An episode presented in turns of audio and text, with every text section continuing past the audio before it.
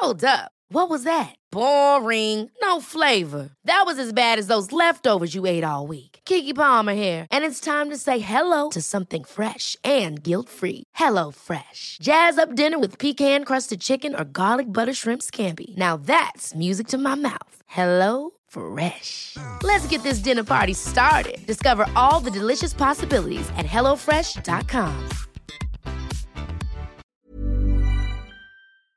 När man förbrukar mycket energi i hjärnan, det produceras också skräpämne. Egentligen är det inte totalt korrekt att kallas det skräpämne, den har också en funktion. Men i alla fall när den stannar inom hjärnvävnaden skulle vara oönskvärt. Det finns sådana ämnen som amyloid beta, som proteiner som har kopplats till Alzheimers sjukdom till exempel. Och vi producerar dem ganska normalt när vi är vakna på grund av vår energiförbrukning. Men det som vi behöver är sömn för att tvätta bort dem. Och det händer faktiskt när vi sover. Att hjärnvätska eller vatten från hjärnvätska gå igenom eller flöda genom hjärnvävnaden och rensa bort alla, tvätta bort alla de här så att säga skräpämnen som på kort sikt har en funktion, men på lång sikt skulle skada hjärnan.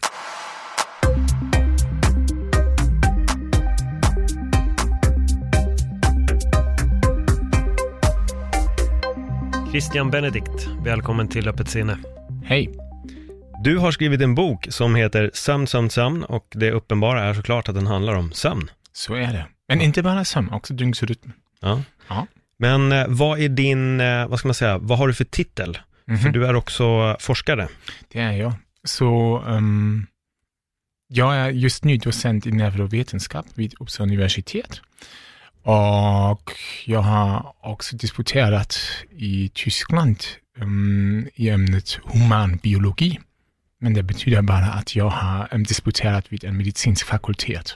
Mm. Och eftersom jag är ingen läkare i bakgrunden, då får du ingen medicinsk doktor i Tyskland. Det blir du bara en doktor inom humanbiologi, men inte bara. Så det är så att säga min bakgrund och ja, man kan ju undra sig varför har jag blivit sömnforskare?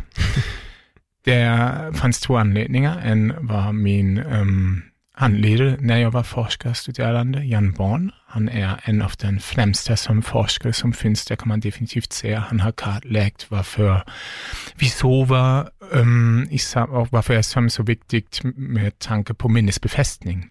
Och även för att, varför vi behöver sömn för att hitta en lösning som kan vara bakomliggande problem som vi har upplevt under föregående vakenhet. Och under den här tiden när jag har varit forskarstuderande i hans labb föddes också fyra barn. 2003, 2004, 2006 och 2008, så de är just nu 15, 14, 13 och 11. Så det var mycket sömnbrist, inte bara för mig och särskilt också för min fru, men det fanns så att säga också en privat anledning att bli en sömnforskare och kartlägga vad det innebär om man inte sover tillräckligt. Spännande. Ja, Så många barn, det var det som ledde dig hit. jättemånga barn, precis så är det. Ja. Och, och, ja, då får vi börja liksom med den enkla konkreta frågan. Varför behöver vi sömn? Ja. det är väldigt enkelt. ja, men jag, jag vill ändå försöka att um, beskriva det på en enkelt sätt varför vi behöver sömn, eller besvara det. Um, om du tänker lite på vakenhet, det är det ju så att vi upplever ganska mycket, um, vi samlar ganska mycket intryck. Ja? Vi lär oss mer eller mindre någonting när vi är vaken. Vi träffar andra, vi utsätter, exponeras oss um, upplevelser. Vi upplever känslor kopplat till vissa upplevelser. Vi utsätter oss infektionsframkallande ämnen. Vi äter mat och måste smälta mat och så ser säga omvandla den till energi. Vi springer från A till B. Så du säger det finns mycket, mycket som är på gång när vi är vaken. Och vi behöver under ett dygn också en period där vi kan gå igenom allt detta som vi har upplevt under vakenhet och det kallas sömn. Så man har visat i olika sociala forskningsexperiment att du behöver till exempel sömn för att befästa minne som du har lärt dig eller, ja, lärt dig eller um, skapat under föregående vakenhet, särskilt sånt minne som har fått ett beröm Ja, om du får beröm, det är ju jättebra. Det gjorde du jättebra Christian. Ja, det vill jag komma ihåg. Och hjärnan kommer att prioritera sånt um, minne. Och det befästas, men också minne som du kopplas till någonting som är kanske inte så bra, ja, som var lite oangenäm. Det vill du också komma ihåg, så ser den här kontext för att undvika i framtiden att du utsätter dig samma situation en gång till. Ja, man vill ju undvika det. Och även sånt um, kommer att befästas under sömnen. Däremot har vi ju också många upplevelser under vakenhet som är inte alls relevant. Ja?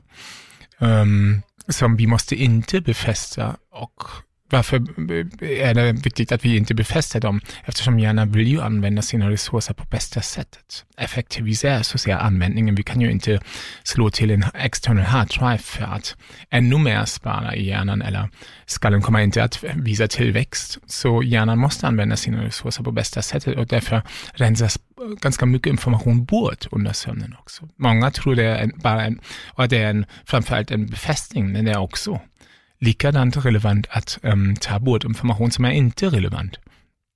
Till exempel antar jag att du inte kommer ihåg vad du har ätit förra veckan tisdags som frukost. Ja? Det är inte möjligt. Och förutom det skulle ha kopplats till någonting som är bara väldigt så säga känslomässigt relevant. Så du ser, man behöver minne för att um, efterbearbeta så säga, det som vi har upplevt. Men när vi går även vidare då, hjärnan behöver inte bara sömn för att Mm, bearbeta minne och øh, befästa det. Nej, den behöver också för att tolka minne. Ja? Vad menar jag med det? Om du tänker på så att säga, minnesbefästning, där har du skapat en ny pusselbit. Och då måste du ju också, måste hjärnan ju undra sig, vad kan jag göra med den här pusselbiten? Hur kan jag använda den? Hur hänger det ihop med det som jag, för, med, med mina kunskaper? Och det som händer också under sömnen är att hjärnan använder de här nybefästade pusselbitar för att kolla hur de hänger ihop. Och man vet att sömn och framförallt drömsömn, vi har inte pratat än om de här olika sömnfaser, är så att säga en väldigt kreativitetsframkallande tillstånd. Och som är också så um, bra som tillstånd för det, eftersom när du sover interagerar du ju inte med din omgivning. Du måste inte bearbeta på samma utsträckning den här yttre sinnesintryck. Där har hjärnan så att säga den här möjlighet att rikta sin kommunikation inåt, så att alla de här olika delar som har skapat ett minne kan så att säga samarbeta och då säkerställa den här befästningsprocess och också den här kreativitetsframkallande tillstånd. Så det är mycket psykologi nu, men mm. det finns ju ännu mer med tanke på hjärnan. Till exempel är det så att när vi är vaken, använder vi mer eller mindre våra hjärnor. Just nu kanske när ni också lyssnar till den här podcast, mycket på grund av min tyskbrytning. och när man förbrukar mycket energi i hjärnan, det produceras också skräpämne. Egentligen är det inte totalt korrekt att kallas det skräpämne, den har också en funktion. Men i alla fall när den stannar inom hjärnvävnaden skulle det vara oönskvärt. Det finns sådana ämnen som amyloid beta, som proteiner som har kopplats till Alzheimers sjukdom till exempel. Och vi producerar dem ganska normalt när vi är vakna på grund av vår energiförbrukning. Men det som vi behöver är sömn för att tvätta bort dem. Och det händer faktiskt när vi sover. Att järnvätska eller vatten från järnvätska gå igenom eller flöda genom hjärnvävnaden och rensa bort alla, tvätta bort alla de här så att säga skräpämnen som på kort sikt har en funktion, men på lång sikt skulle skada hjärnan och även um, nedsätta funktionen av våra hjärnceller som vi behöver för att, så att säga, tänka och bearbeta upplevelser.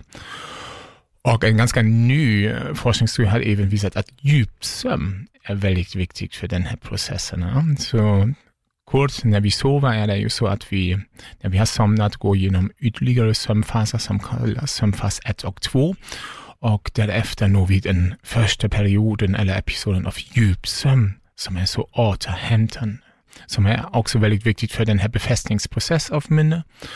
Och därefter har vi drömsömn där vi drömmer väldigt så att säga känslomässigt, vi drömmer också i de andra sömnfaser, men inte så känslofärgat. Det gör vi framför allt i drömsömn och därför kallas det också drömsömn. Och sen har du en sömncykel och börjar om den.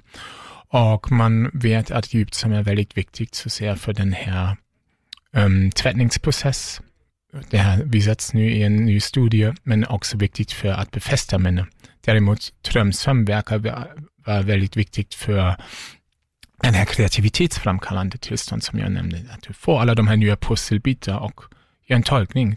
Kolla, hur kan jag använda dem? Hur passar de i de här olika kunskapsbilderna? Och det som man vet också med tanke på drömsömn är att drömsömnen verkar hjälpa oss att um, bearbeta, efterbearbeta våra känsliga upplevelser, våra känslor det är ju väldigt viktigt. Vi kan ju inte bibehålla alla de här känslointryck som vi samlas under vakenhet med samma intensitet. Um, vi måste tona ner dem och det händer faktiskt också när vi sover och det, det händer framförallt i drömsömn att det finns den här avtraumatiseringsprocess som tillåter oss då under um, följande vakenhet, så att säga, att starta en ny vakenhetsperiod med en bra, så att säga, känslobalans. Till exempel en studie från USA från Matthew Walker som är också en som forskare som har visat när folk ser bilder av skrämmande situationer under kvällen och man mäter samtidigt deras hjärnaktivitet ser du att en del av hjärnan som är väldigt viktig för en fight and flight um, respons som kallas amygdala, en känslocentrum i hjärnan, är väldigt aktivt. Och det är normalt, eller hur? Det är normalt um, svar av hjärnan att när en fara finns måste jag svara, jag måste sätta igång stresssystem, att vi blir redo för att ta emot den här faran. Därefter fick de försökspersoner sova och morgonen därpå såg de samma bilder en gång till. Men den här gången under morgonen visade det sig att de inte längre visade en så stark aktivering av amygdala när de såg de här skrämmande bilderna. Istället visade de en högre, förhöjd aktivitet av främre hjärnbarken som ligger i pan, pannloben, som är väldigt viktigt för stresshantering, för att hantera eller kontrollera dina impulser. Så det är som en förälder som ser då till känslocentrum amygdala, lugna ner dig. Vi känner det. Vi, vi kan ta det lagom. Ja? Och nu kan man ju säga, mm, är det så övertygande att det är verkligen sömn eller är det bara på grund av att de har exponerats, reexponerats en andra gången till samma bilder så man blir bara van till detta. Men de gjorde också experiment med försökspersoner som fick inte sova emellan. Och igen på kvällen, det som man förväntar sig, känslocentrum är på gång. Oops, en fara, jag måste svara. Men morgonen därpå visade det sig att känslocentrum var ännu mer aktivt jämfört med kvällen väldigt på oh, igen och för den här förnuftsstilen i främre hjärnbarken i pannloben. Den var för trött. Den kunde inte motverka så att säga. Um, den här aktiveringen kunde inte lugna ner barnen och säga hej, ta det lugnt, vi känner det. Så vi behöver faktiskt sömn, inte bara för att befästa minne, för att så att säga främja kreativitet. Vi behöver också sömn för att tona ner känslor, till och med också de positiva känslor som jag antar, så det kan vara en förklaring varför vi blir inte likadant kär i en person när vi haft några nätter av sömn. och vi behöver också sömn för, ja, för, för hjärnans hälsa, mm. helt enkelt. Mm. Men jag tänker lite här nu, om vi går in på det här med att till exempel tona ner känslor. Yes. Um, jag vet själv, om det har hänt någonting så drömmer man väldigt mycket. Yes. Jag vet, jag, jag har råkat ut för inbrott några gånger hemma, men, men det senaste som hände är att jag ganska nyligen blev av med min telefon. Yes. Um, och då vet jag att jag drömde säkert under tre, fyra nätter den veckan att jag blev av med olika saker. Mm -hmm. Det var liksom från telefonen, det var min väska som innehöll något annat, men det var, det var repetitivt i drömmen. Yes. Att, att jag förlorar någonting igen och den här frustrationen yes. i drömmen. Då är det alltså någon form av bearbetning för att tona ner känslan av att jag blivit av med telefonen. Precis, eller? och det, det, är ju så, man tror också, när man pratar om drömsömn, det är ju också så att du behöver den för att säga, efterbearbeta alla de här känsliga upplevelserna, men det är inte bara den känslan, också så att gå igenom en upplevelse, jämföra det, så att säga, med det som du vet, dina kunskaper, hur passar det ihop? Finns det ett mönster som du har um, redan lärt dig tidigare i livet? Och därför behöver du så att säga den här drömsömnen. Och därför är det inte så överraskande när vi då upplever så att säga, ja, känslofärgade grejer under vakenhet, att du också så att säga ja, bygga in dem i dina drömmar till en viss utsträckning. Ja. Mm. mm. Jag vet också just när det kommer till så relationer, om en relation tar slut, så drömmer man ju också väldigt ja. mycket om de här yes. känslorna som Men ibland är det ganska spännande eftersom det krävs bara en liten, så att säga, um, hur kan man säga, en, en, en, en cue, en, någonting som du upplever under vakenhet som inte direkt påminner dig till någonting, men har kopplats till øh, det. Jag kan göra det väldigt lätt om du tänker på en lukt, en parfym som du har kopplats till din första flickvän eller sånt. Och 20 år senare går du genom stan och någon har den här parfymen, då får du ju snabbt den här associationen. Det är ju min, jag får associera den här påminnelsen till min, till min eh, första flickvän.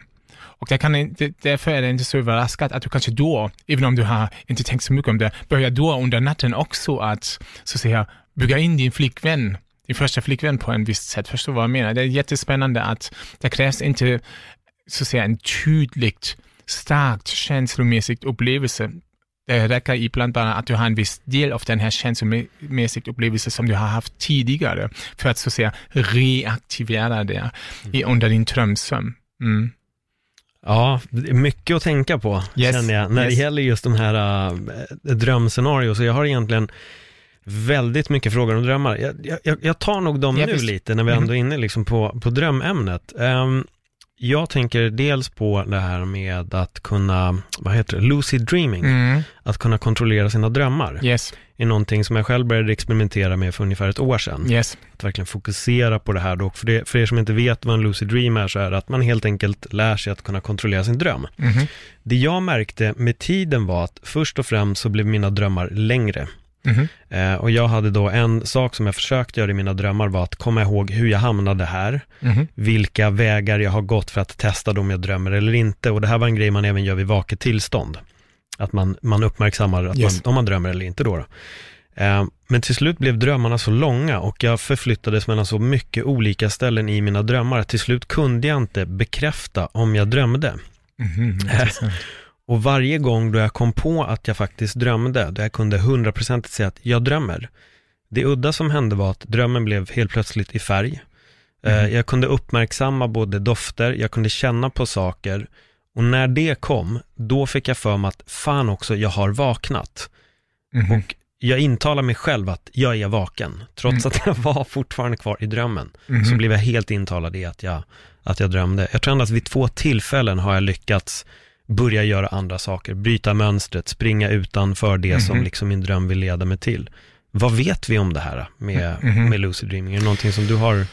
De har till exempel gjort en, jag vet de har gjort en experiment där de fick lära sig att de ska kasta någon, en pil mot något väg eller sånt på en visst sätt och har mätt deras hjärnans aktivitet för att kolla, kan de då, om du säger, uppmuntra dem, du ska göra det också under sömnen så att säga, att du fortsätter lära dig hur man på en pre väldigt precis och akkurat sätt kastar pilen på en vägg. Och de såg då också sånt aktivitetsmönster då under följande sömn.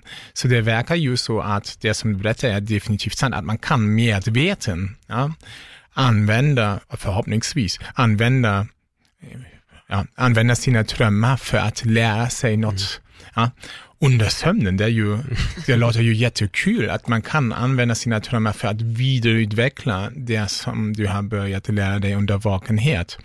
Och jag tror en annan intressant aspekt kunde vara i samband med um, klardröm eller lucid dreaming, att du kanske också får verktyg för att bryta mönster som är oönskvärt det finns ju många ja, som säger, jag har många mardrömmar. Mm. Det är väldigt um, påfrestande för mig att sova och jag blir väldigt rädd eftersom jag vet snart kommer jag igen att ha de här allvarliga drömmar.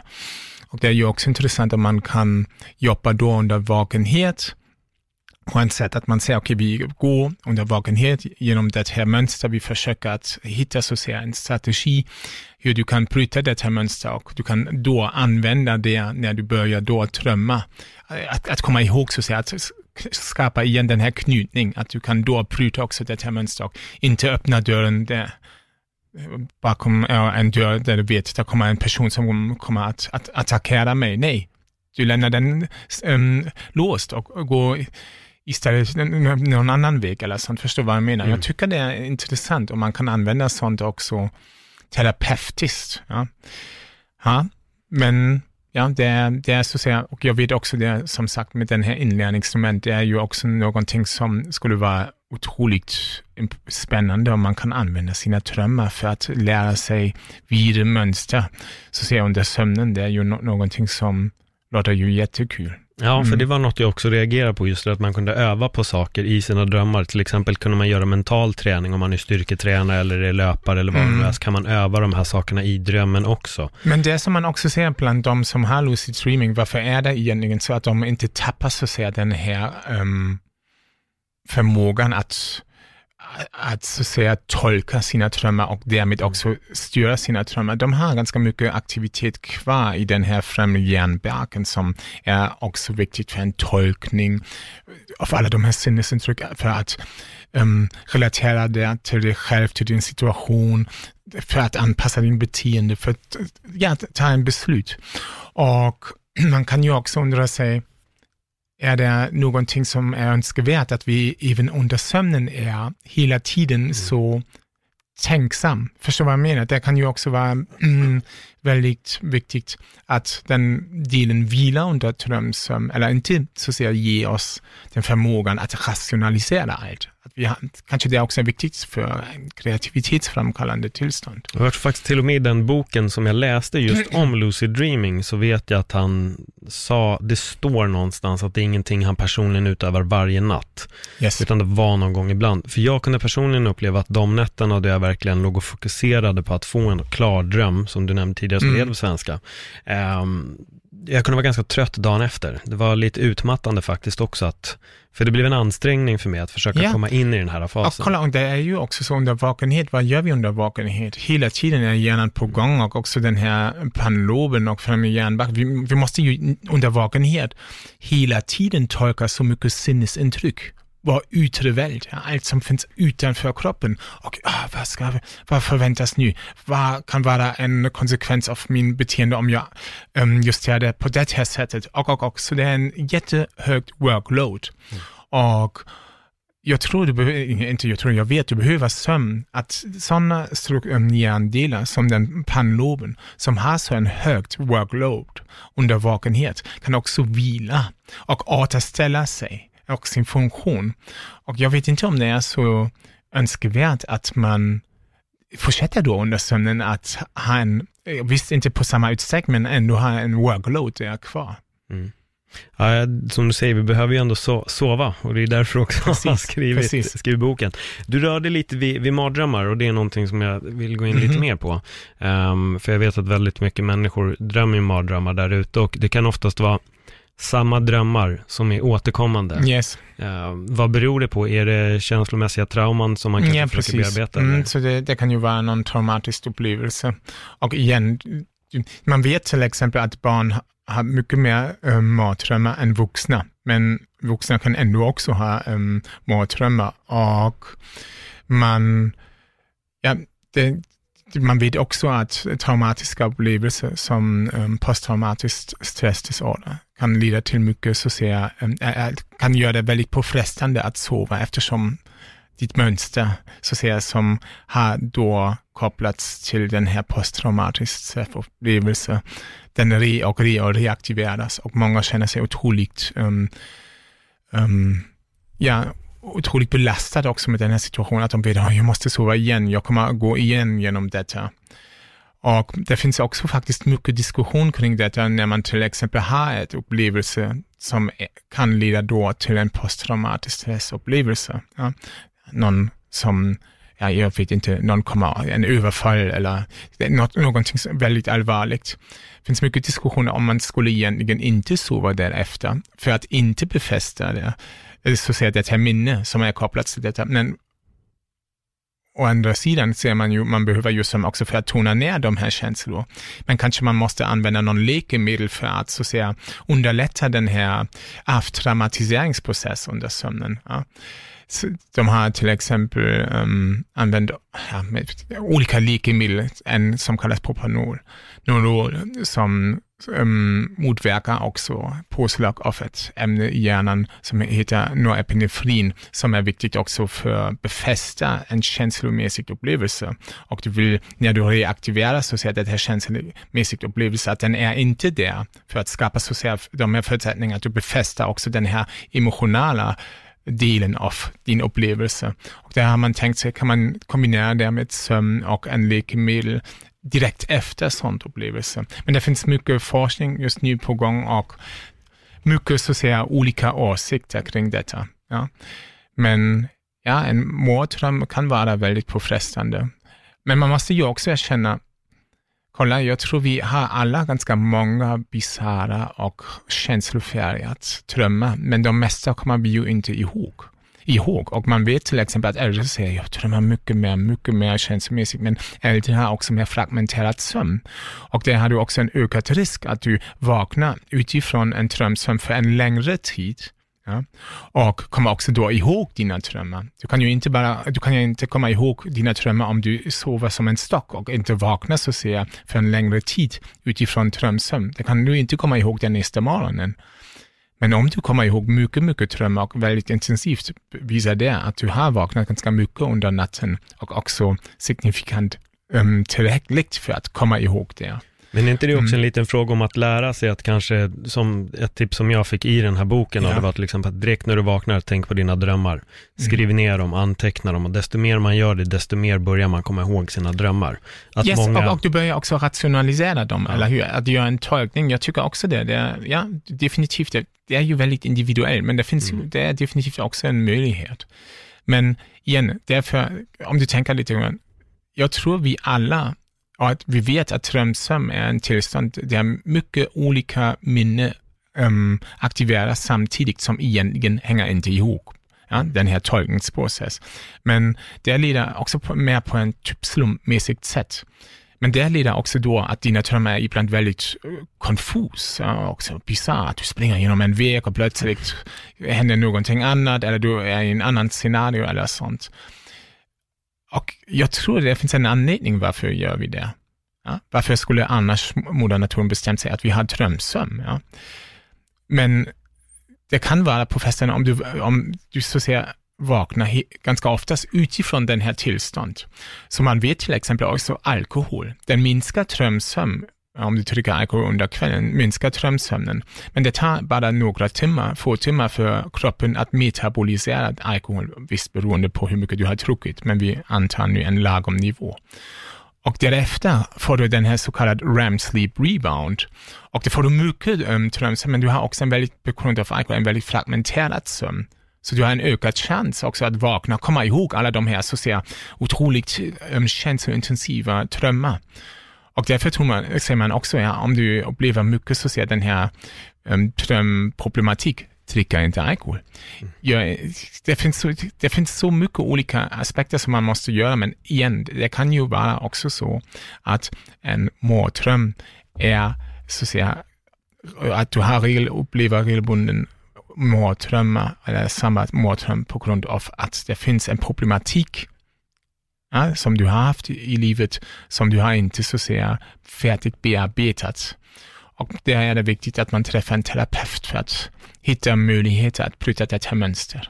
Är det någonting som man kan se, alltså i forskning, att många som har mm. mardrömmar har oftast traumatiska upplevelser som inte är bearbetade? Ja, det finns ju definitivt en koppling. Ja. Mm. Men igen, man måste ju också se att barn, om du tänker lite, varför har barn så många mardrömmar? Och um, betyder att, att, att att, att det är allvarligt att vara barn. Jag tror det är bara en jättestor så att säga, utmaning också för de här unga hjärnor. De, de upplever så mycket nya information, det är så mycket på gång. Så det krävs ju också mycket så att säga efterbearbetning och det är inte så överraskande om man utsätts så mycket nya så att säga, information och mönster att det kan också leda till en, en, en, en belastning eller en, en mardröm. En ökad sannolikhet att du har också mardrömmar. Mm. Så man ska vara glad att man kanske inte drömmer så mycket mardrömmar då och får sova. Yes. yes. Men igen, jag tror, jag vill bara säga det. Ja. En dröm blir medveten när du vaknar utifrån den här drömmen och har tillräckligt, är tillräckligt var, läng, långt vaken, länge vaken för att så att säga skapa en, en, en förståelse för den här drömmen, men också för att, så att säga, ha de här känslorna. Så jag tror det finns ganska många situationer där vi, som vi jag tror som vi skulle tolka som, åh, det var lite oangenämt, det var gå i riktningen av mardröm, men vi har, inte, vi har inte vaknat.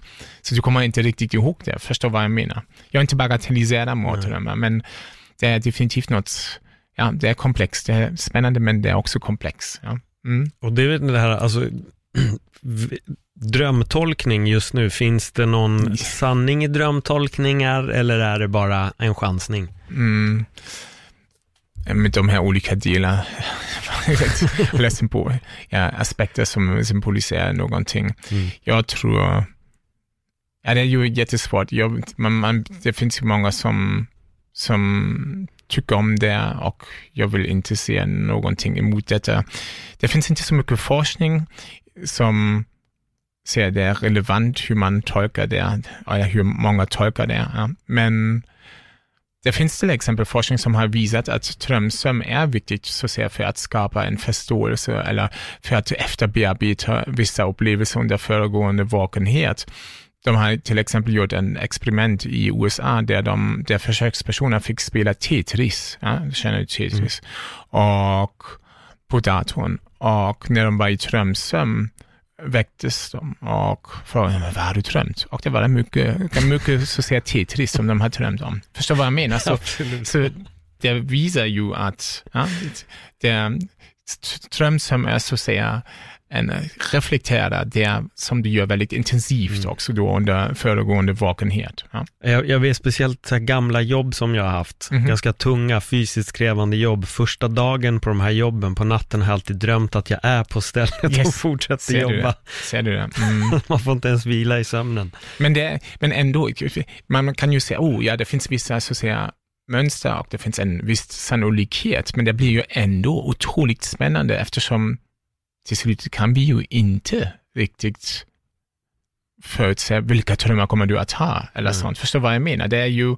varje gång, och det gör det också så fascinerande, men också skrämmande. Du vet inte vad du ska drömma, eller hur?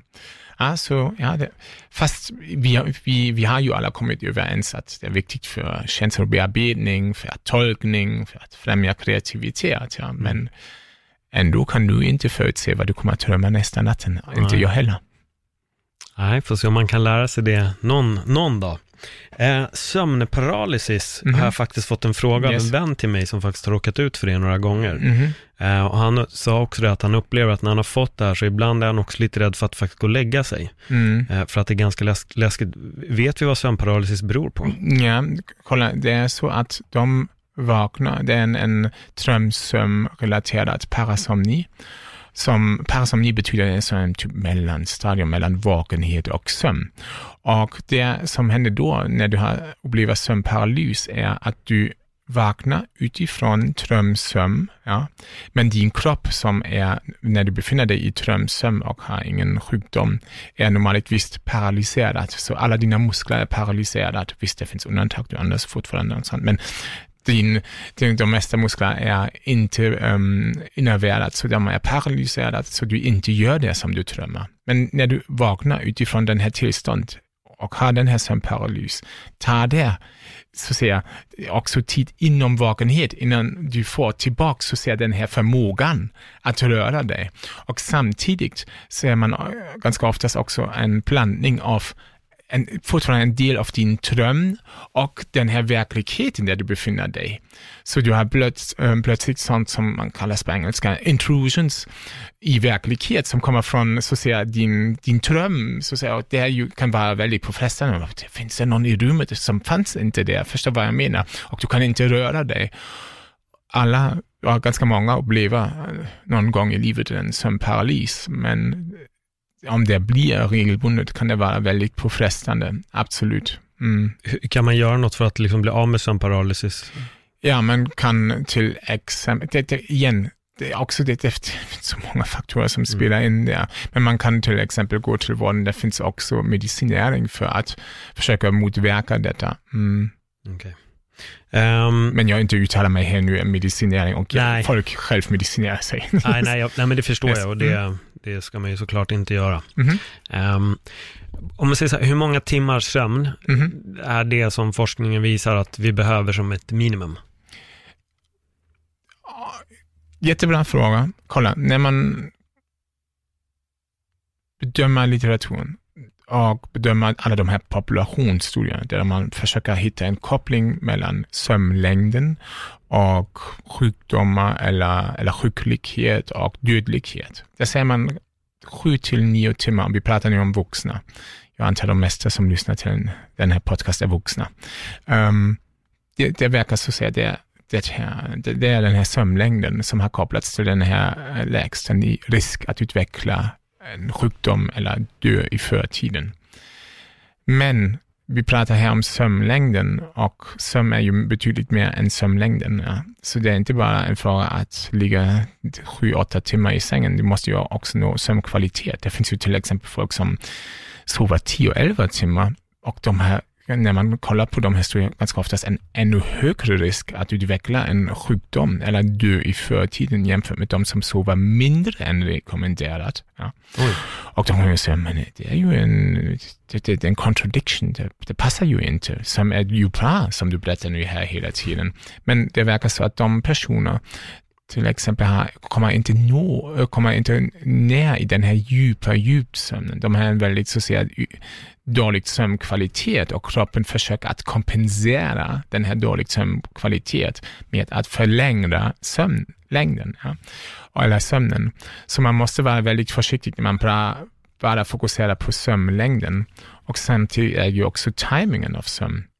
Man vet ju att folk som jobbar nattskift och är tvungna att sova på, ja, under dagen eller på morgonen, de kan inte göra det så bra som som de som sover i natten, fast de har ju mycket, mycket sömnskuld. De är väldigt trötta.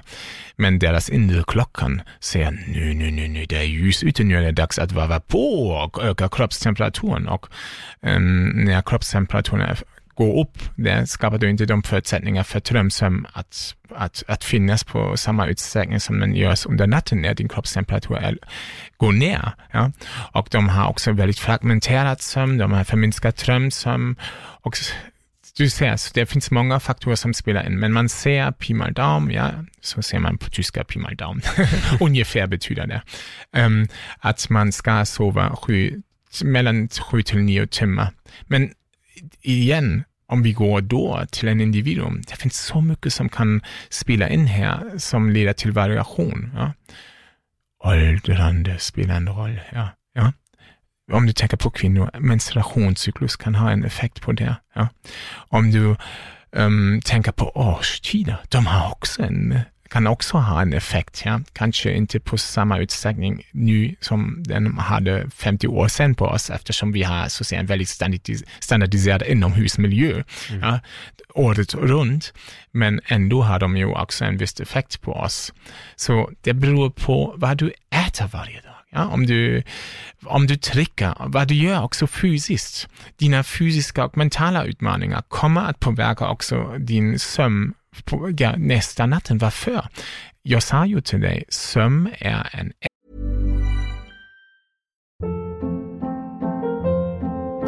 Hold up. What was that? Boring. No flavor. That was as bad as those leftovers you ate all week. Kiki Palmer here, and it's time to say hello to something fresh and guilt-free. Hello Fresh. Jazz up dinner with pecan-crusted chicken or garlic butter shrimp scampi. Now that's music to my mouth. Hello Fresh. Let's get this dinner party started. Discover all the delicious possibilities at hellofresh.com. Hey, it's Ryan Reynolds, and I'm here with Keith, co star of my upcoming film, If, only in theaters, May 17th. Do you want to tell people the big news? All right, I'll do it. Sign up now and you'll get unlimited for $15 a month in six months of Paramount Plus Essential Plan on us. Mintmobile.com slash switch. Upfront payment of $45 equivalent to $15 per month. Unlimited over 40 gigabytes per month. Face lower speeds. Videos at 480p. Active Mint customers by 531.24 get six months of Paramount Plus Essential Plan. Auto renews after six months. Offer ends May 31st, 2024. Separate Paramount Plus registration required. Terms and conditions apply if rated PG. Efter bearbetning av föregående vakenhet. Så om du varierar vakenhet kommer du också då leda till en variation i din sömn. Så du ser att du har även mycket variation beroende på, av det, beroende på vad du gör under vakenhet inom en person. Ja. Så man, därför man ser gemene man 7 till 9 timmar, men individuellt kan det också vara så att du till exempel klarar det väldigt bra med 6 timmar. Och eftersom du har mycket, en väldigt högkvalitativt sömn, eller du har en annan tröskelvärd som du måste en lägre tröskelvärd för att känna dig återhämtad. Det finns folk som sover sex timmar och om, när du gör testar med dem, ingen problem, ingen dagtrötthet, ingen koncentrationsproblematik, um, um, ingenting. De presterar jättebra och, och, och. Du kollar på deras hälsoparametrar, ser allt bra ut. Sen har du en person som kanske sover sju istället för åtta timmar och sen visar det den så säga första tecken av sömnbrist. Det är så individuellt, du har ju också en individuell tröskel. Och igen, jag sa ju, många, många faktorer spelar in här som bidrar till en individuell tröskel. Det är ju inte livet långt samma tröskel. Nej, men då kan vi ta det lite individuellt med mig. Eh, yes. Jag märker själv att jag fungerar nog bäst att jag får sova mellan åtta eller nio timmar. Mm -hmm. eh, och, och, nu slog du huvudet på spiken på en sak som jag har tänkt på ganska mycket. Jag kommenterar ju MMA som jag sa till dig tidigare och det blir mycket nattjobb. Yes. Som nu i helgen till exempel började galan klockan fyra på natten. Jag var hemma och låg nog i sängen runt eh, strax efter åtta på morgonen. Vaknade igen vid tolv. Någonting som jag har tänkt på väldigt mycket senaste tiden, det är att jag kan bli lite frusen på natten. Mm. Och mhm. nu sa du det, att kroppstemperaturen sjunker. Det hade yes. jag ingen aning om. Yes. Eh, hur mycket sjunker den med? Ja, men det, det, är ju inte så Nej. det är en grad eller sånt. Ja, ja. Och det är igen också här väldigt varierande från individuum till individuum, men mm. den sjunker faktiskt. Så kort innan du blir väldigt sömnig och lägger dig och somnar, där börjar så säga den här, um, vad heter det, inflection point, det vändas så säga och din kroppstemperatur går ner mm. under natten och kort innan du vaknar då under morgonen går den upp igen. Och det är faktiskt en väldigt viktig um, um, förutsättning också för till exempel drömsömn, ja, att du har också drömsömn under natten. Och det är också en förklaring varför du inte har så mycket drömsömn och mycket mer fragmenterat sömn under um, dagen när du försöker att sova som nattskiftarbetare. Mm. Mm. Um, sen när jag kommer hem i alla fall, jag går och lägger mig, då vaknar jag ungefär efter fyra timmar. Mm. Det går inte att sova. Um, och jag är oerhört sötsugen den dagen jag måste äta godis. Mm. Det spelar ingen roll om jag har intalat mig mentalt på lördagen att jag ska inte äta godis imorgon. Jag går efter några timmar och köper godis. Yes. Och det har varit ett mönster som jag så, och då äter jag inget godis på vardagarna. Yes. Men så fort jag har jobbat natt, alltså jag kan inte hålla mig från godis. Det yes. bara skriker, du yes. måste ha godis. Yes. Så jag har, och jag har gjort mycket forskning kring detta. Vi har till exempel visat att när försökspersoner får inte sova jämfört med ett annat moment där de fick sova, samma försökspersoner, och du mäter med hjälp av en magnetkamera deras hjärnans aktivitet när de ser bilder av mat, där ser du att deras hjärnor skriker ge mig ge mig mat. Och när du går då vidare och um, till exempel testar deras kontrollförmågan att hantera så att säga de här matrelaterade um, mm, känslor.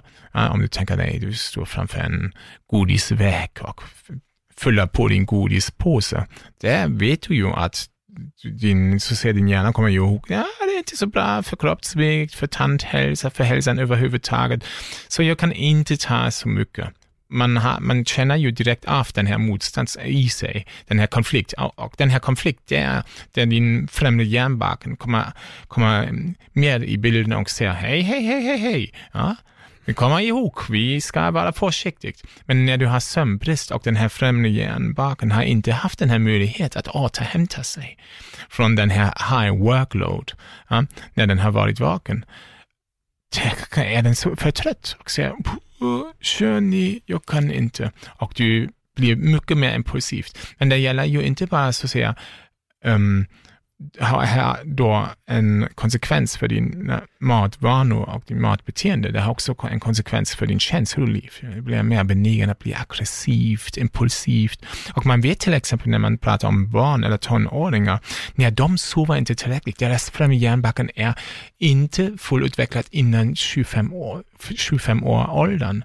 Så om du tänker på det, om de då, de har redan inte de förutsättningar att de kan på samma utsträckning som en vuxen hantera de här impulsiva känslorna. De kan, men det är mindre kapacitet. Och sen tillägger du sömnbrist.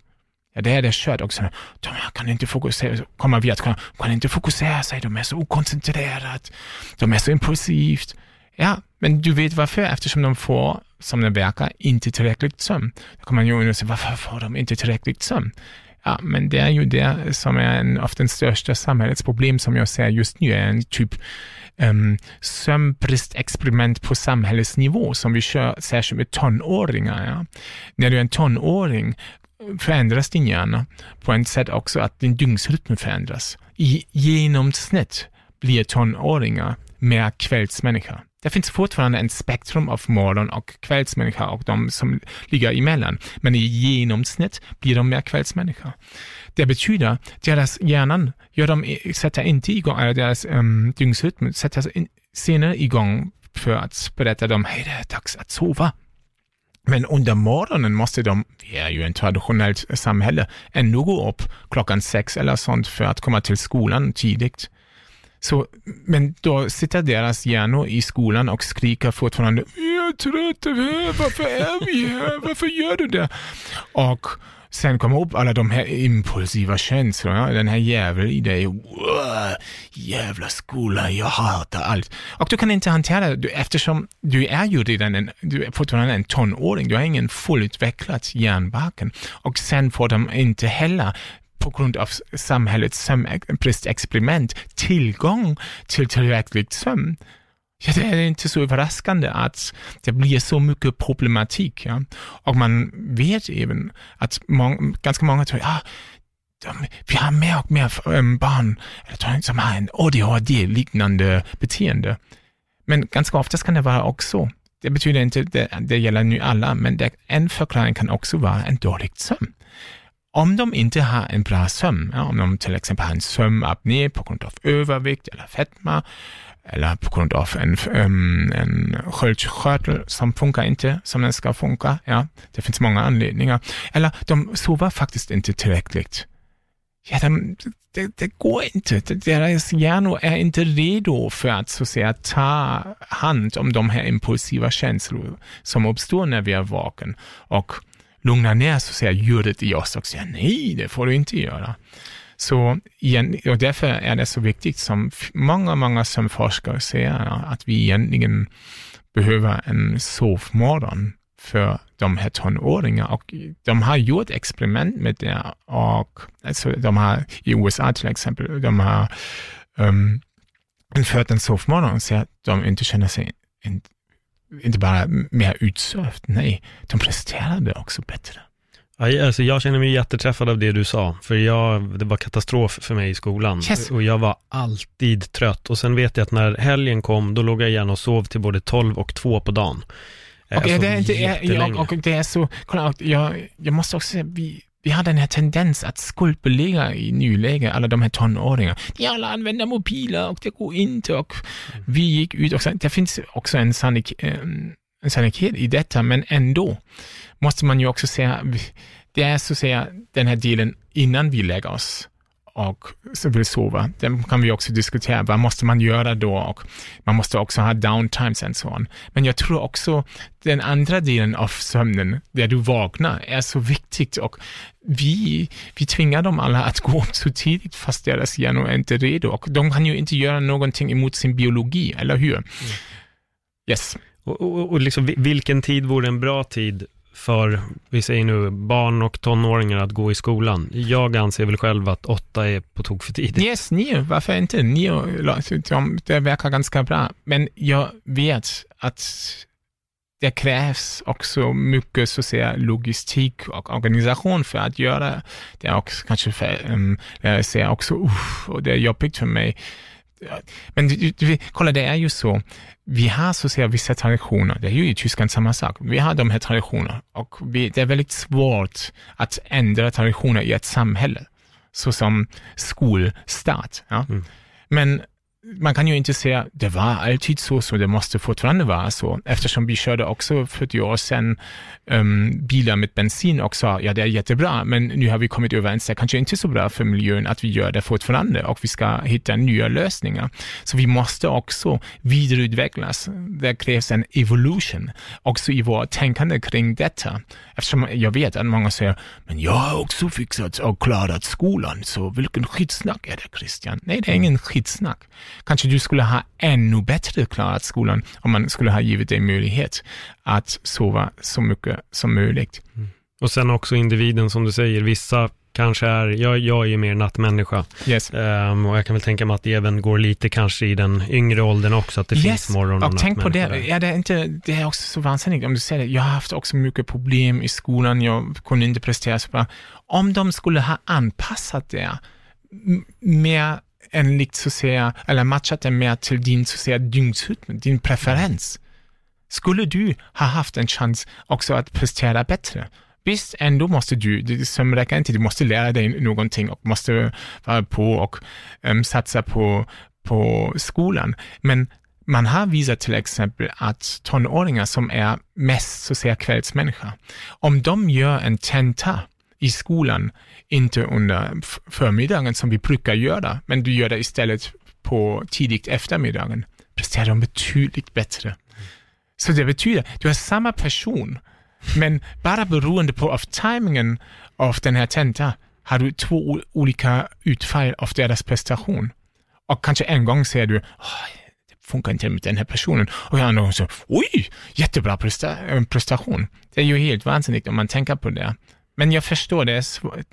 Jag kan prata mycket om och argumentera för mycket, men det är också en fråga att hur kan man om, omsätta det i verkligheten. Men jag tycker att vi ska ha den här diskussionen och ska ta utmaningar.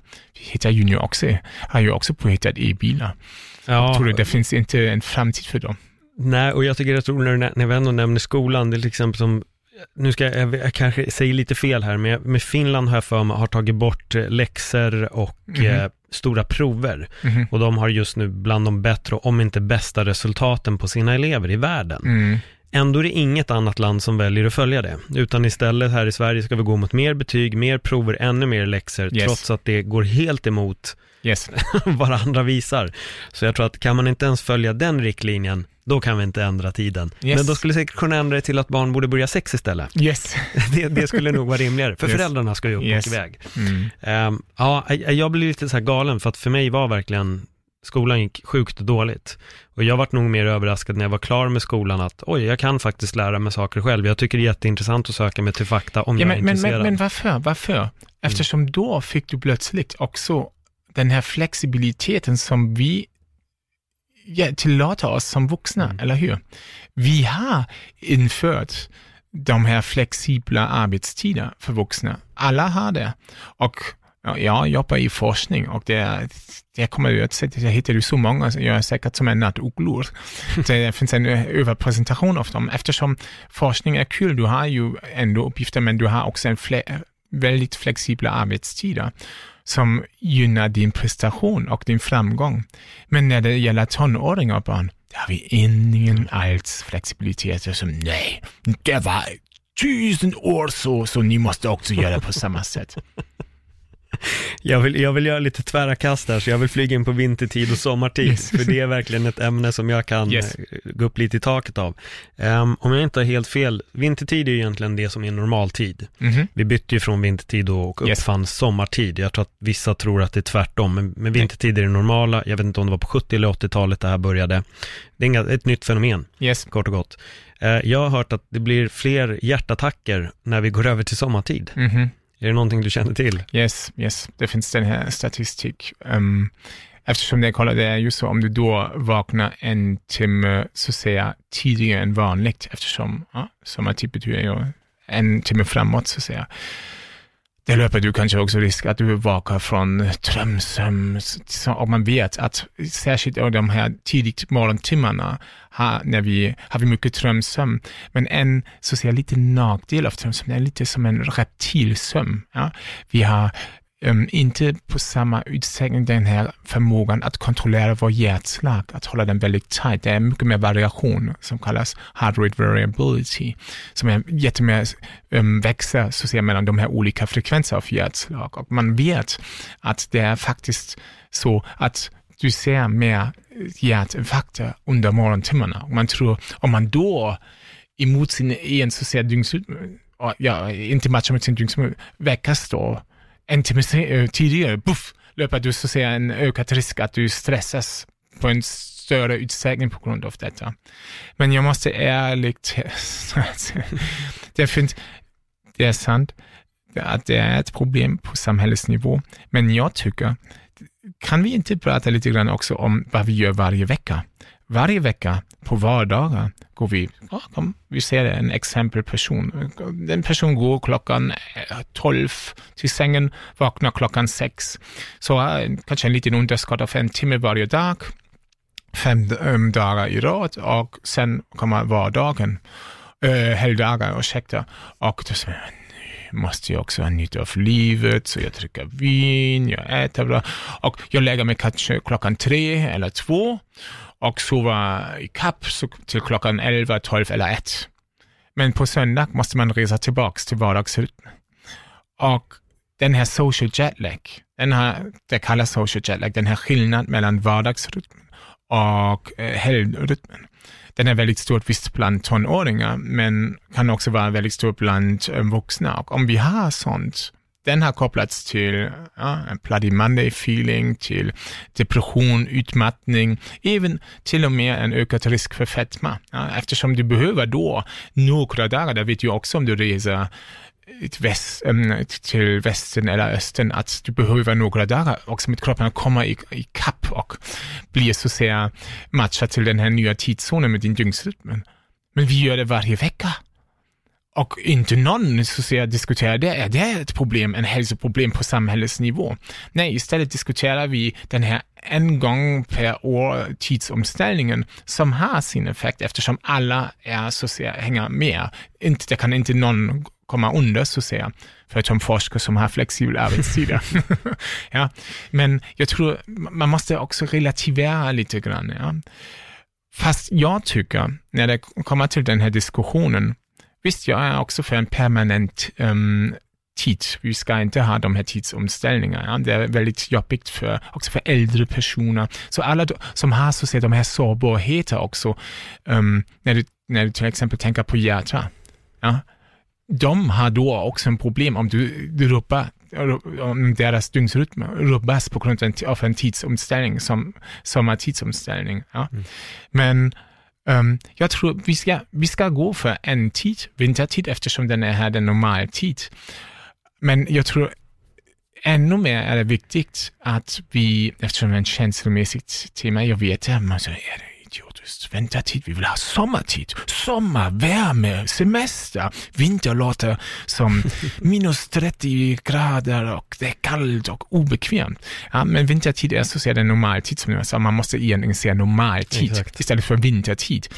Och det som man måste också säga, vi, jag tycker ibland är det en lite konstigt artificiell diskussion, eftersom då säger folk till mig, de kontaktar mig, du är helt vansinnigt att du uttalar dig för vintertid och istället och inte för sommartid. Du är ingen klokt forskare, sluta där. Att du får pengar för din forskning, jag fattar inte det. Och det, det säger jag, ja men egentligen, när kommer du ut första gången under dagen? Utnyttjar du de här um, ljustimmar under morgonen?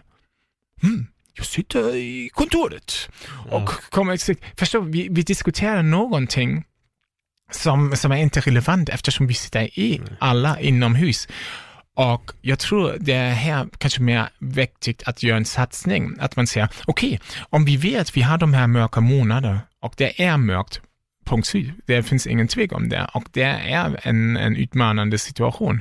Varför gör vi inte det så att vi istället att ha fika, ja, the magic Swedish religion, yes, ja, klockan tio, varför gör vi inte det att vi har fika och går ut och utsätta oss de här få ljustimmar, eller i alla fall få en ljusduscha för att synka vår inre klockan och få då också en bättre förmåga att vara pigg och också ha en bättre social sömn.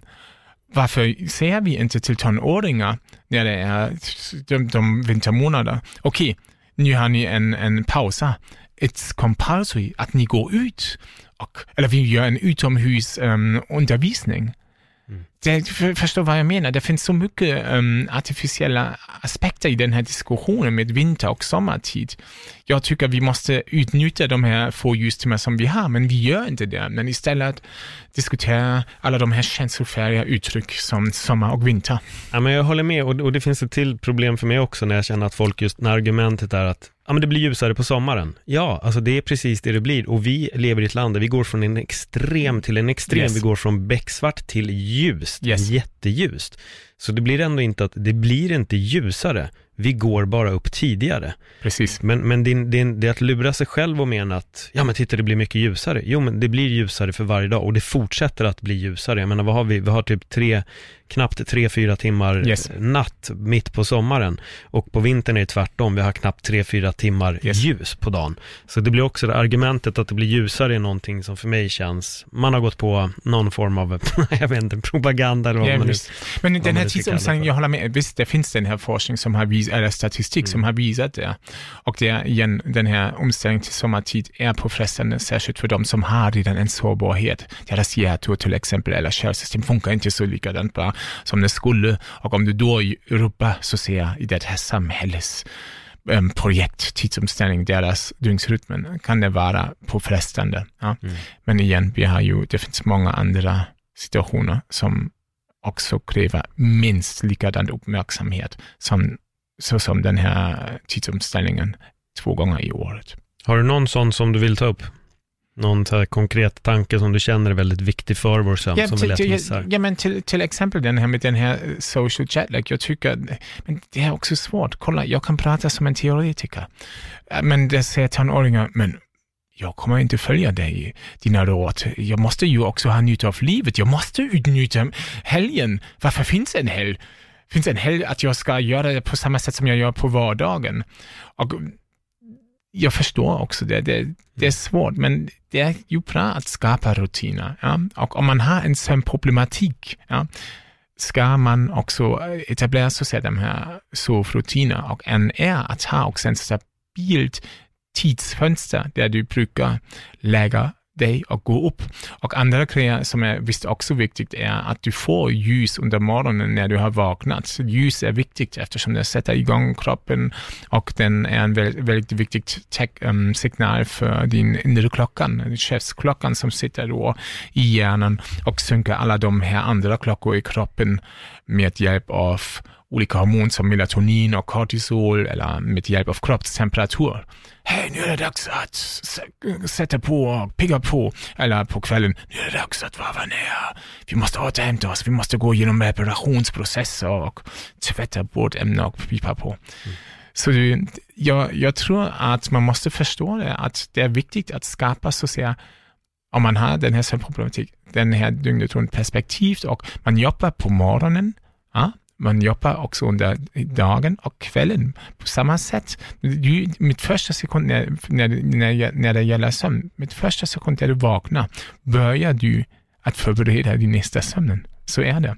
Och vad kan jag göra för att um, underlätta detta? Utsätta mig dagljus under morgonen, men inte under kvällen på samma utsträckning artificiell ljus. Det här förhållandet är väldigt viktigt. Är den stor, kommer min dygnsrytm att fatta väldigt bra, aha, det den ljusigt del av dagen, det måste jag bygga på. Den mindre ljusigt del av dagen, där varvar jag ner. Jag ska motionera, framförallt under dagen och inte kort innan jag lägger mig och kör en, en gympass. Eftersom det inte heller är en bra förutsättning att sova bra och forskning har visat nu att øh, motionär, øh, inte motion, löpning under kvällen till exempel leder till att din dygnsrytm blir senarelagt och när du istället motionerar under eftermiddagen eller morgontimmarna blir den tidigare och du blir sömnigare tidigare under kvällen. Så du ser, det finns så mycket som man kan göra, eller ätande. Ja. I Tyskland heter frukost frühstück och det heter lunch mittag, dubbel-T, mittag och kväll, ähm, ähm, middag på här, vad heter på tyska abendbrot, kvällsmat. Så, men nu är det så att vi har skiftat ganska mycket så att säga den här största matintag till, till kvällstimmarna. Och jag tror inte heller att det är bra eftersom också ätande är som en typ backup-system för att skicka upp signaler till hjärnans chefsklockan. Hej, nu har vi nått där, nu har vi så, så haft, så att säga, haft vår största energiintag. Så det är snart dags att varva ner och gå genom återhämtning och reparera. Och, och.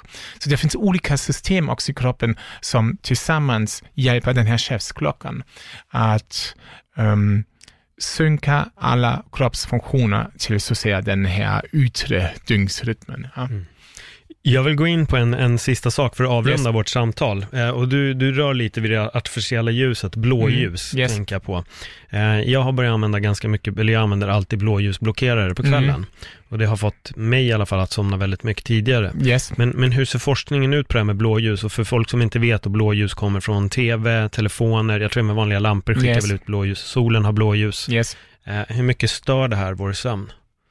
Det beror igen på den här förhållande av hur mycket ljus du får under dagen och mm. särskilt också under morgontimmarna jämfört med kvällen. Och vi har till exempel gjort en studie i Uppsala med att um, läsplattor på kvällen och har inte sett någon effekt på sömnen när de fått tillräckligt dagljus. Så, men det finns en, men ändå, det finns ju också folk som är mer känsliga, till exempel ganska många som har um, psykiatriska problem. De verkar att ha en mer ljuskänslig dygnsrytm, också på kvällen särskilt en ökad ljuskänslighet. Ja? Folk som till exempel har en bipolär sjukdom. Och det är ju viktigt att man säkerställa att den här kontrast är så stort som möjligt mellan dagljus och kvällljus. Ja, det ska man undvika där. Och de har till exempel visat i en forskningsstudie i Norge att när man använder sådana amber glasses, sådana glasögon som filtrerar bort blåljus, ser du samma um, humörförbättrande effekter som du ser om när de tar SSRI. Det betyder inte att jag ser nu här att folk ska inte ta sina SSRI, men det betyder det kunde vara en jätteintressant och spännande add-on att mm. säkerställa att man inte får um, för mycket ljus under kvällen. Ja? Du ska fortsätta med dina SSRI. Ja? Mm. Um, och det visade, yes, det finns det, det, det, inte alla svarar så ser på samma sätt och det är också en fråga av hur ser förhållandet ut mellan dagljus under dagen och, dagljus, äh, och artificiell ljus under kvällen. Men ändå tycker jag att det är lite missledande med den här blåljusrekommendationen. Eh, Vet du varför? Du har ju själv sagt det jag har laddat ner en app eller jag använder sånt som Night Shift eller iflux på mina datorer och sen säkerställer jag att, inte, att jag inte får så mycket blåljus under kvällen så då kan jag köra på. Kan jag köra på. Men problematiken är att det finns ju andra aspekter som också kan förklara den här kopplingen mellan sömnstörningar och um, användningen av screen-based technologies. Såsom att du är, du är typ dygnet runt tillgängligt. Mm. Och det är viktigt att vi har downtimes, att vi är inte dygnet runt tillgängligt.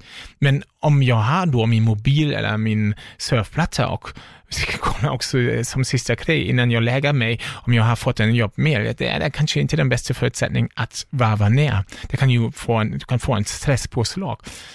Tvärtom kan jag säga, men nej, nej, nej, jag använder det framförallt för min entertainment och jag kollar på social networks som Facebook, Instagram, Twitter och så vidare. Eftersom jag gillar det. Och varför gillar vi det? Eftersom det är ju väldigt lätt att starta sin mobil och kolla upp om det finns något nyhet eller om man har fått någon like för en inlägg. Och det faktiskt så att vi vet ju inte om det är så att vi kommer att få en like eller något som är intressant för oss. Men vi vet att det är ganska vanligt så att det blir så. Men förstår du vad, det är oförutsägbart fast du tror det kommer definitivt med en väldigt hög sannolikhet vara så att du kommer att ha en viss nytta av detta. Så därför får du hela tiden en dopaminkick, även mm. om du, även om du kollar på dina sociala nätverk och det finns ingenting nytt, kommer du att få, hjärnan lära sig och utveckla en typ betinget och kommer att frisätta ändå en liten dopaminkick. Och alla de här mikrodoser av dopamin som du har då under kvällen kan vara väldigt problematiskt. Varför? De ackumuleras och dopamin är en vakenhetsframkallande ämne. Och det vill du inte ha när du vill somna. Där vill du ha ämne i hjärnan som gör dig trött och mm. um, tillåter dig att varva ner. Ja. Och en annan grej som jag också kopplar till de här mobila är också en, den kan även vår sömn när den ligger bara så att säga bredvid sängen. Varför? Det finns många som säger, ja, jag kollar upp då, du kan kolla på TV. De kollar upp i natten. Så säger om de har någon inlägg eller gör en inlägg eller gör en like. Det kan ju inte vara så. Varför ser vi fortfarande det aktivitet? Ja, igen, det är ju en, så säga, din, din insats som krävs för att göra det är väldigt lite. Att sätta på en mobil kostar ingenting. Så Därför, om du kan snabbt få som belöning, ja visst är hjärnan så ser, kommer ihåg det också under natten och säger, ja, kolla snabbt, kolla snabbt. Och det som jag även tror att folk utvecklar någon typ av øh, hyperarousability, deras hjärnor, att de fast deras mobil ligger då i, så att säga, i sovrummet och de egentligen vill sova, att hjärnan blir så att säga väldigt mottagligt bara till så säga medvetandet att det finns en mobil. Och är mer benägen att väcka dig och säga, vi måste ju kolla upp. Förstår vad jag menar? Mm. Eftersom det är, hjärnan vill oväntad belöning. Hjärnan blir like, som en beroende. Oh ja, kom väcka, vi måste väcka den här killen. Han ska kolla upp detta. Det var det jag skulle säga, nu är vi inne på beroendeproblematik. Men, men, men du ser, ja, så, så mycket absolut. som spelar in här.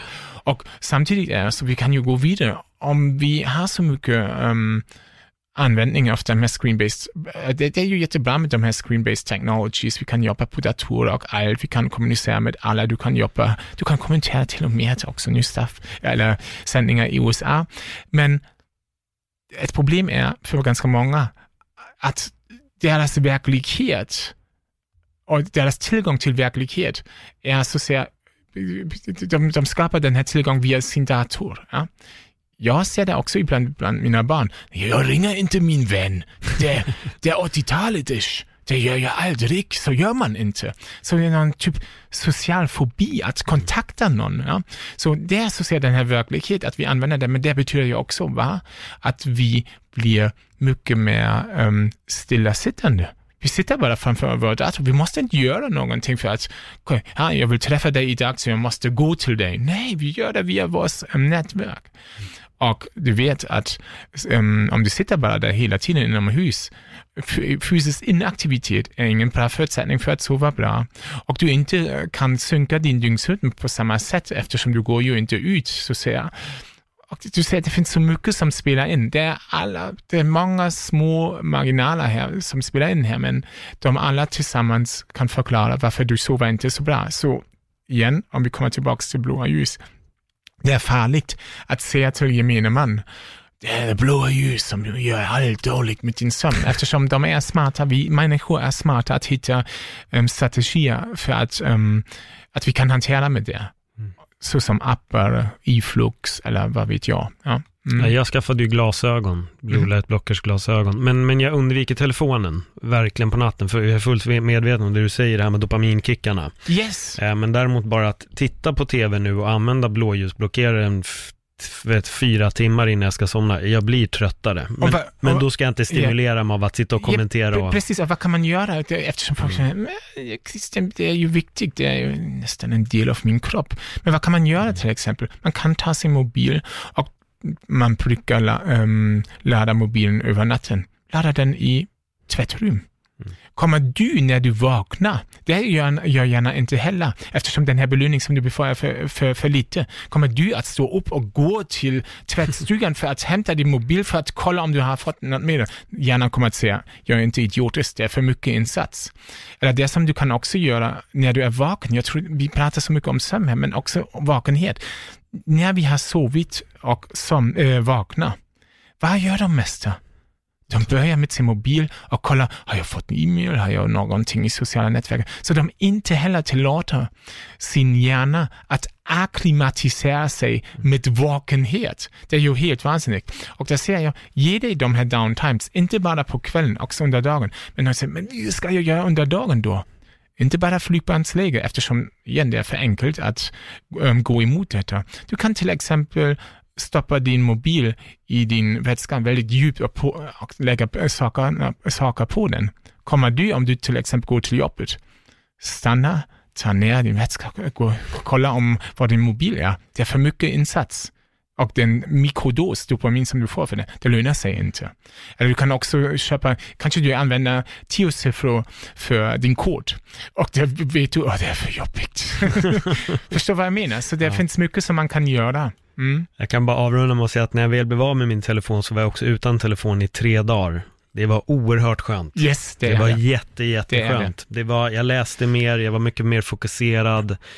Det, var, det, var, det var en sån sjukt stor skillnad. Och om folk frågar mig, vad jag tycker jag med sömnpiller också, vad så säger den bästa söp, som äh, sovknep? Jag håller med. Jag tror den bästa sömnläkemedel som finns är att stänga av sin mobil. Mm. Det jag har också gjort det. It's magic. Ja. Men lyssna klart på podden, vilket ni också har gjort. Precis. Så, så, nu- så nu, Precis. nu får ni verkligen stänga av och sova. Jag förstår, för det är säkert någon som lyssnar på den här och klockan har slagit två på natten. Yes. Nu, nu får du sova. Eh, Christian Benedikt, tack för ett jätteintressant samtal. Eh, jag hade definitivt kunnat suttit och prata med dig i flera timmar, för jag känner att nu börjar vi glida in på andra intressanta ämnen som typ Facebook, sociala medier som jag har en otrolig så här stor kärlek och jättemycket hat till på Yes, samma gång yes. av exakt de anledningar du tar upp. Ehm, men i alla fall, din bok Sömn, sömn, sömn kan man hitta. Jag kommer länka till den i bion så Okej. alla kan gå in och beställa den. Var hittar man dig om man vill eh, veta mer om dig eller liksom Mhm. följa dig på dina forskningsresor? Um, på Instagram är jag väldigt aktivt. Man kan hitta mig under namnet Sleep Advocate. Och än så länge gör jag alla inlägg på svenska med mycket tysk brytning. och jag faktiskt um, jag gör mer eller mindre varje dag en inlägg där jag beskriver någonting som forskning har visat inom fältet sömn och dygnsrytmen och hur båda påverkar vår prestation och hälsa. Så det är definitivt en jättebra um, komplementärande moment till min bok för att hålla sig uppdaterad. Fast boken är ju the Bible, the Bible, så du måste, the Bible of Sleep, så du måste köpa den.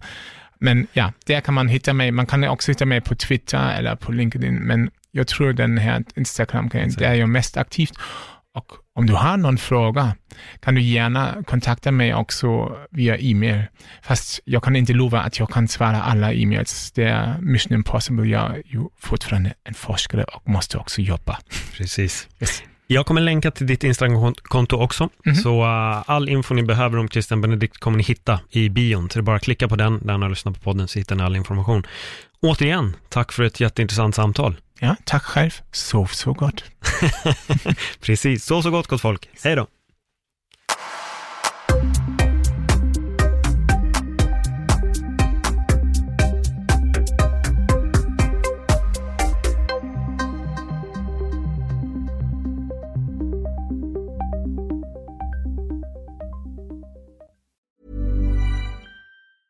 Ever catch yourself eating the same flavorless dinner three days in a row?